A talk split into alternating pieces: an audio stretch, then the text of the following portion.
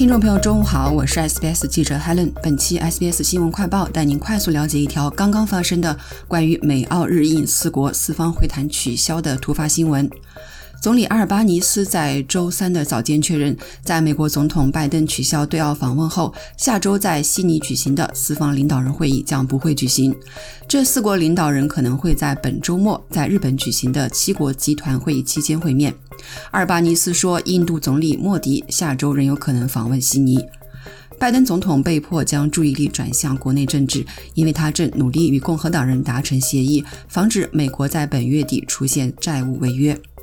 阿尔巴尼斯表示，因为这个问题必须在六月一日之前解决，否则将对美国经济产生相当严重的后果，而这些后果将流向全球经济。他不得不做出这一决定，这是可以理解的。总理还说，拜登对他不能来澳感到失望。四国领导人将设法在广岛举行的七国集团领导人会议的间隙进行会晤。他说，所有四位领导人——拜登总统、岸田首相、莫迪总理和我本人都将参加周六和周日在广岛举行的七国集团会议。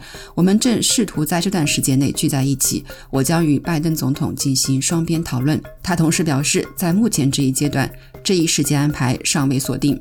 阿尔巴尼斯说，印度总理莫迪和日本首相岸田文雄仍有可能在下周访问悉尼，但这三个国家的官员仍在努力确认其计划。他说：“我们正在与四方领导人讨论今天的问题，我们将对此做出进一步的宣布。但莫迪总理下周肯定会是这里非常受欢迎的人。”拜登在取消澳大利亚及巴布亚新几内亚段的访问之前，原计划带着一千多人的随行人员来这里进行历史性的访问。原本预计这次访问也会对悉尼的中央商务区造成重大干扰。美国在任总统上一次访问澳大利亚是在2011年，当时的总统是奥巴马。好了，感谢收听本期的 SBS 新闻快报。这是 SBS 中文普通话节目全新推出的快讯播客系列，旨在让您持续动动耳朵，便能了解澳洲国内外新闻及社区信息。在任何播客平台搜索 SBS 普通话，点击订阅，开启消息提醒，不错过任何突发新闻。